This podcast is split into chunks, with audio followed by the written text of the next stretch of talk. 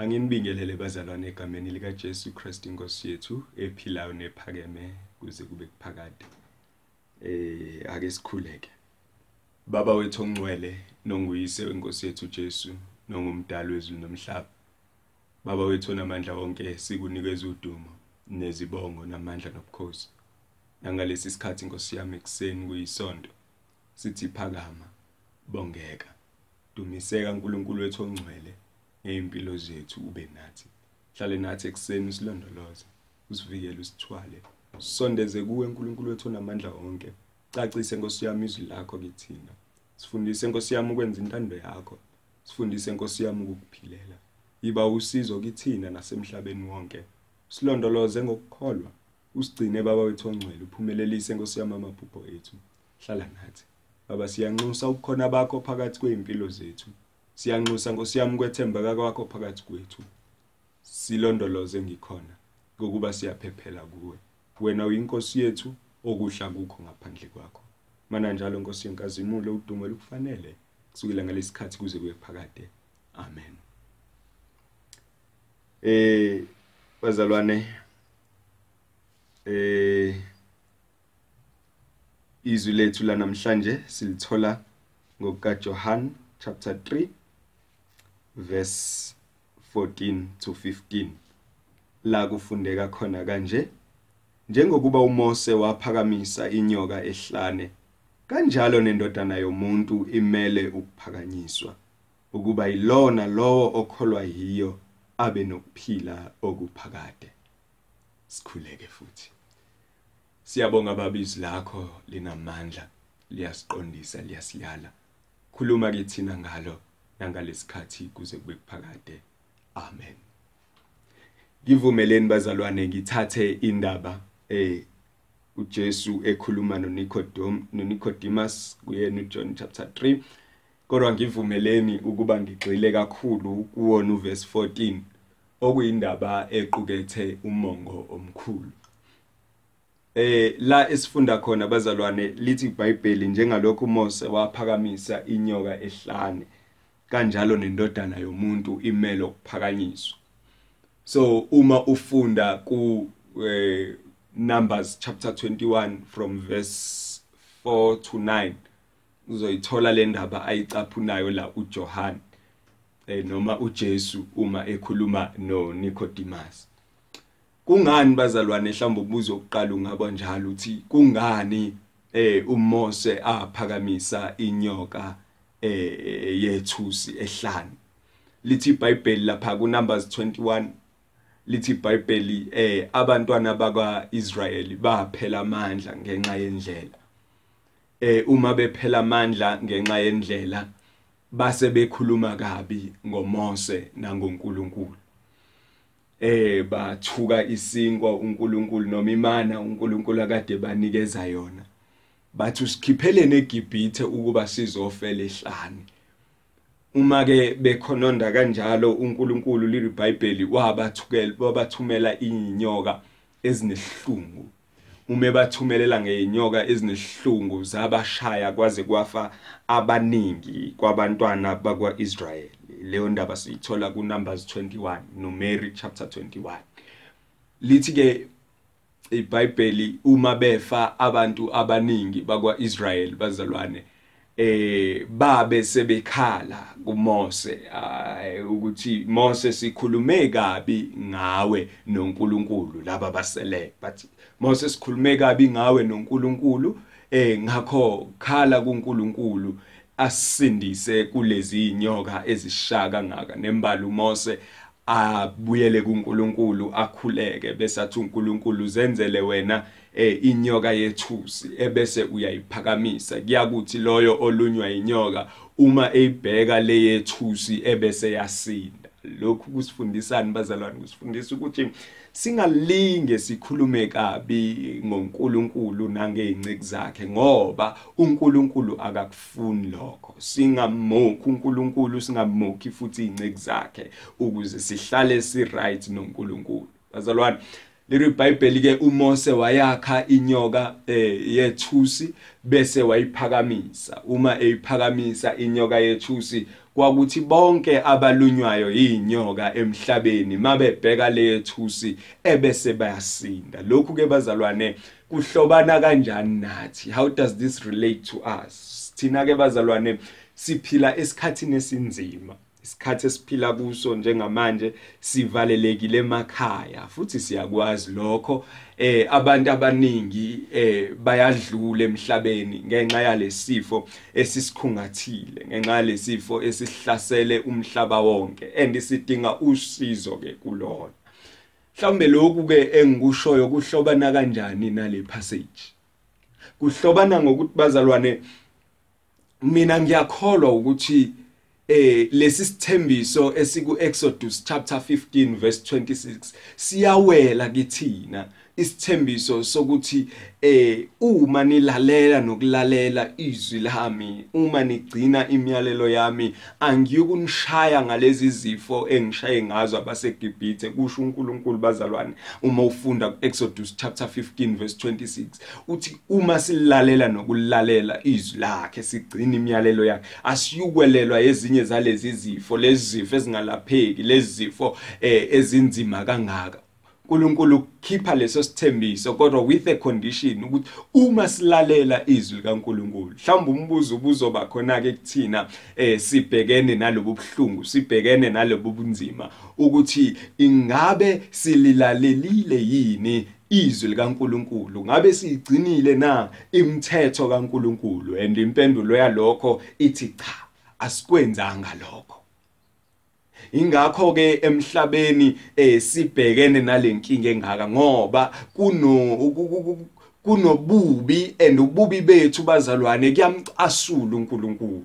Izono zethu bazalwane ziyamcasula uNkulunkulu and uNkulunkulu akashiki isono singaphanishiwe bazalwane siyazi ukuthi esikhathini esiphila kuso siphila nabantu abavikela ubusela abavikela ububi. Siyazi ukuthi eh bazalwane kwezokulungiswa abukho ubulungiswa. Siyazi bazalwane ukuthi senza izinto uNkulunkulu asiyalile ukuba singazenzi. Siyabulala siyeba siyahleba sikhuluma kabi. Sikhuluma kabi size sikhulume kabi nangoNkulunkulu. Izwe lethu lize lavumela ngisho ama abortions abantu eh bobulilo obunye bayashadana ngiyazi njengamanje ngizwakala njengomuntu ohlambalazayo kodwa izwi likaNkuluNkulu lisixwayisile ngalokho kuba singakwenzi lokho and thina siyakwenza lokho. Uma ke sikwenza lokho sifaneleke ukuba si experience into enjena. Uma siphila sinesa isono sifanele ukwehlelwa izinto ezikanjena ngoba asimlalelanga uNkulunkulu.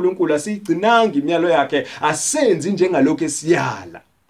Singamsola nje uhulumeni nethimba lakhe eh lezokuphila sithi eh benza kancane ukudila nalesimo esibhekene naso. Kodwa ngifuna ukuniqinisekisa mina namhlanje ukuthi uma uNkulunkulu engathandi lesi sifo ngeke siphele and singaqeda ngathi ngoba simonile uNkulunkulu.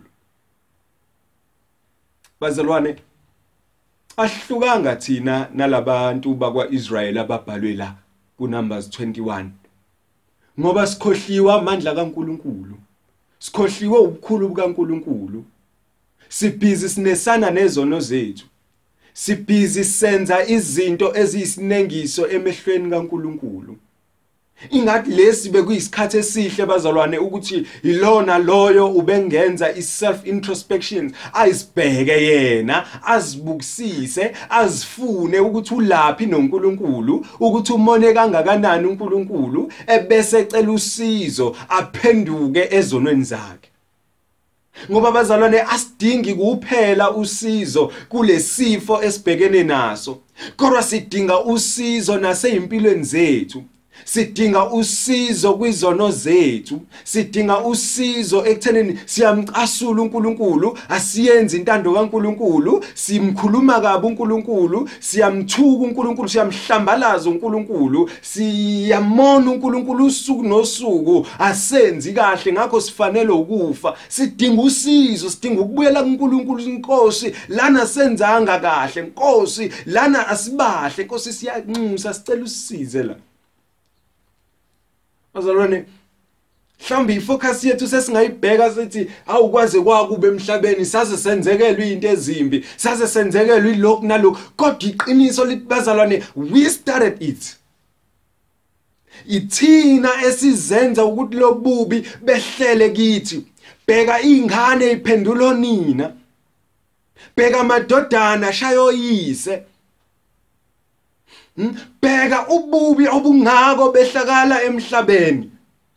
Bheka usizo lingaka abazali bekhulisa izingane zabo ngemithetho yezwi likaNkuluNkulu. Bheka abazali bekhulisa izingane zabo befundisa izingane zabo kodwa izingane zabo ziyabakhohlwa zibazi. Bheka ubuhlungu obungaka umzali ahlala ekhala ngenxa yengane zakhe ezingamlaleli ezingenzi intando yakhe eziziphilela umathanda.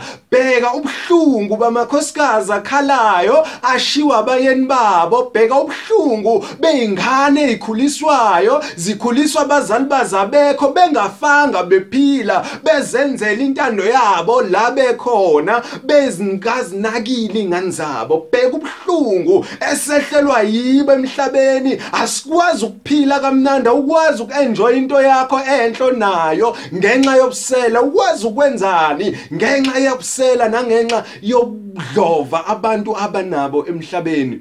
Yithina siqale lento. Ithina njengalabantwana bakwaIsrayeli abakhuluma kabi ngoMose nangoNkulunkulu. Ithina sizehlisela ububi ngokwenza izinto ezimbi. Ngisho emabandleni. Senza okubi size saba isinengiso. Abantu mabefuna ukwenza izibonelo bakhotha amabandla. Ngobani? Silanda ububi sibufake nasendaweni kaNkuluNkulu. Uma senza njalo ke sifanele ukuexperience lezifo and mhlawumbe lokhu kusawo kokuqala kusezo kuwest kunalokhu. Ngobani bazalwane? Thina sidoba ububi ngalendlela yokuthi uNkulunkulu uyabususa ububi kithi kodwa thina siyahamba siyodoba izono zethu sizilande kwesinye isikhathi size siye nazo endlini kaNkulunkulu. Sidinga usizo. Sidinga usizo ukuba sisizakale ezonweni zethu. Kodwa ke siyambonga uNkulunkulu bazalwane ngoba wenzile indlela yokuthi thina singasizakala. Uyenzile indlela yokuba sithole usizo. Mina ngomunye walaba abakholwayo ukuthi uNkulunkulu unamandla okusivusa ekseni ngelinye ilanga. Yebo lingakatholakala ikhambi yebo lingakatholakala umjovo ebese kuthiwa isifo secorona asekho ngoba uNkulunkulu unamandla okuqeda konke. Uma sizisola siphindela kuye sizincinxusa sithi inkosi siyazisola ngesenzo sethu senzile kaba sikulalelanga sikulandile ububi sase sakubeka nasendaweni yakhe engcwele ngakho siyazithoba siya siyaxolisa sifisa uhamba ngendlela ekahle. Ngiyakholwa ukuthi uNkulunkulu engasisiza and engaze asixoshe futhi nalesifo esibhekene naso. Without eh umjovo noma umuthi othile ngoba phela uNkulunkulu unamandla okusiphilisa ngaphandle kwalezo zinto. Khumbula phela ukuthi ngemvimbo kaKristu Jesu siphilisiwe thina. Ngaphandle futhi kokuphilisa kwenyama nangegazi likaKristu Jesu elachitheka esiphambanweni. Awunkosi yami izono zethu zahlanzwa. Sagezwa sabangcono sabuyiswa kuNkulunkulu. Senziwa kade siyabantu bokulahlwa kade siyabantu ababi abantu akade bekumele ngabe bahambela kude noNkulunkulu kodwa ngegazi likaKristu Jesu kungathi leundlu elinqabileyo elingenacala sasondezwa kuNkulunkulu ukuba sizuze ukuphila ukuphila okunguna phakade. Loku akushoyo la uJohn mekhulu uJesu kuNicodemus la kuJohn uthi okholwa yiyo abe nokuphila okunguna phakade. Ngemvimbo yakhe siphilisiwe thina. That is why kumele simphakamise uKristu Jesu. Sifanele ukuyiphakamisa indodana yomuntu ngoba ngemvimbo yakhe sinjani? Siphilisiwe thina. Kusho ukuthini bazalwane ukuthi sifanele ukuphakamisa indodana yomuntu na? Kusho ukuthi eh usizo siyolithola kuphela ngoJesu. Njengalokhu uMose aphakamisa inyoka yethusi ehlane kwawukukusiza abantwana bakwaIsrayeli ababekhulume kabi ngoNkulunkulu besesonweni besenkingeni befa zinyoka kwamele aphakamise inyoka yethusi ukuze labo ababuka yona basinde. So kwakuwusizo lokho. Nathi ke uKristu ulusizo lwethu. Uma simphakamisa uKristu siyasizakala. Inyoka yethusi bazalwane yayisign yethemba. Inyoka yethusi isign yethemba and uKristu Jesu kuthina uyini? Uyithemba lethu lani lenkazimulo. Ngakho kufanele ukuba simphakamise. And uma simphakamisa uKristu yilona loyo zokholwa yiyo bazalwane uzoba njani?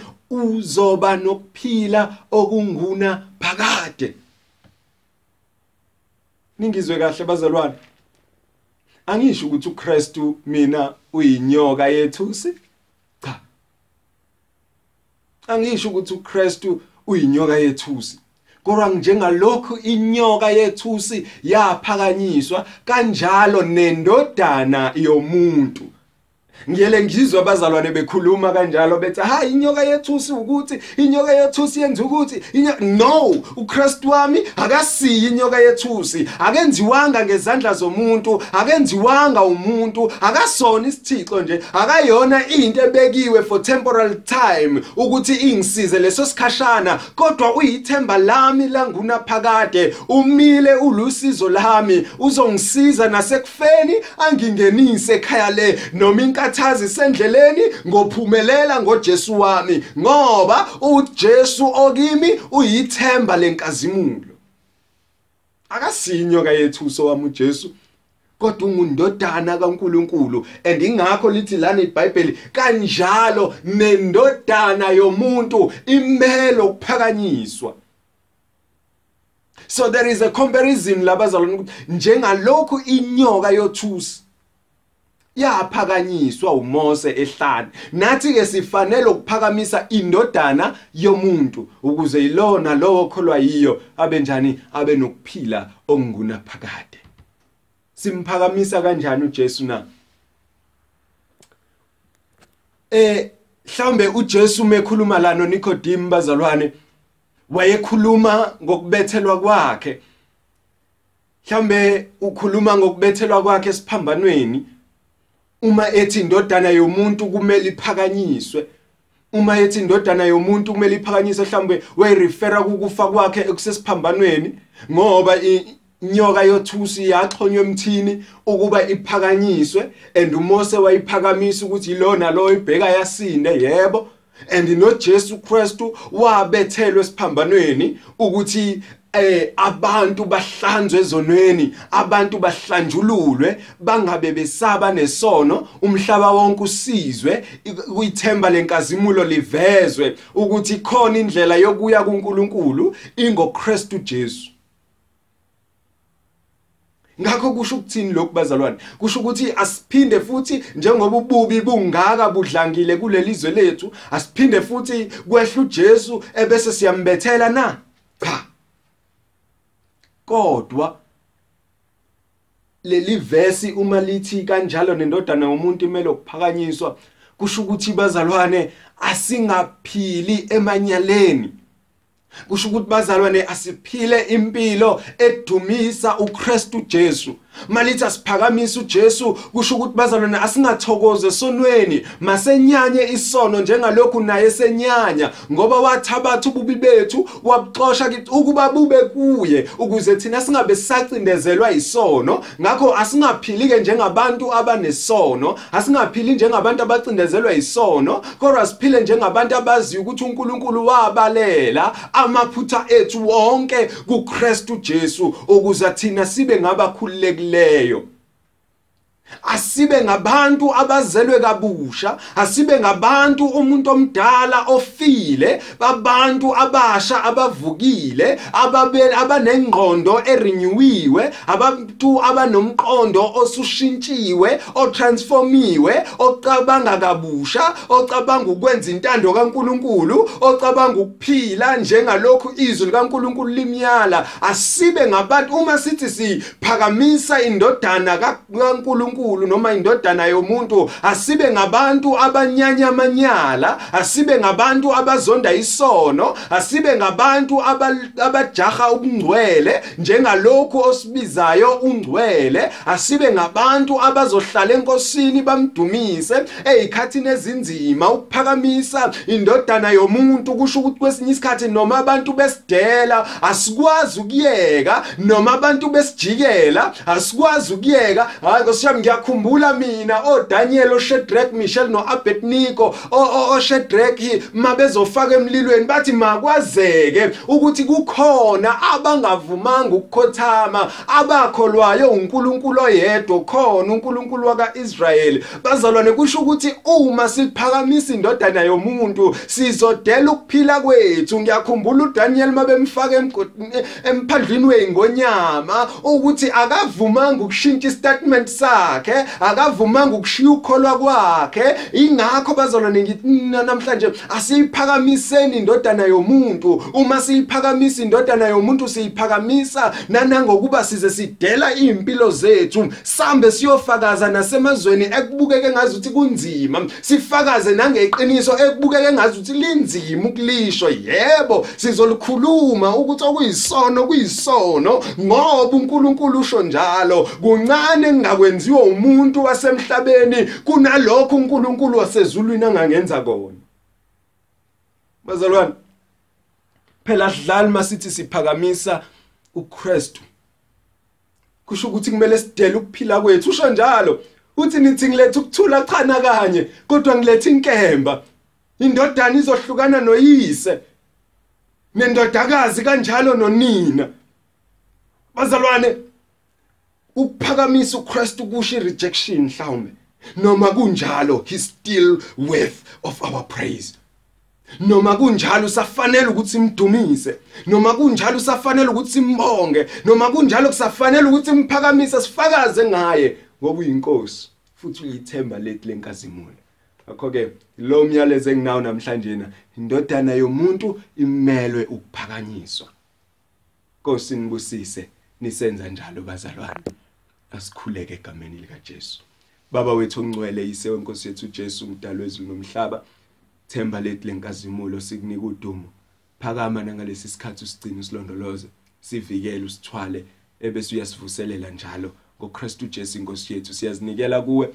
Hlala nathi inkosi yami senze sibe ngabakho ngoba nkosi yami siyafuna ukuba ngabakho abazobalekela isono banamathele kuwe. Hlala nathi nangalesi sikhathi usigcine khulisa ibandla lakho khulisa ofakazi khulise nkosi yami abantwana bakho abazowitnessa ubukhulu bakho egameni lika Jesu Kristu waseNazaretha. Silondoloze nkosiyami nakulesimo esibhekene naso siphe nkosiyami impendulo egameni lika Jesu sivikele sithwale thina nemndeni yethu londoloza abantwana bakho.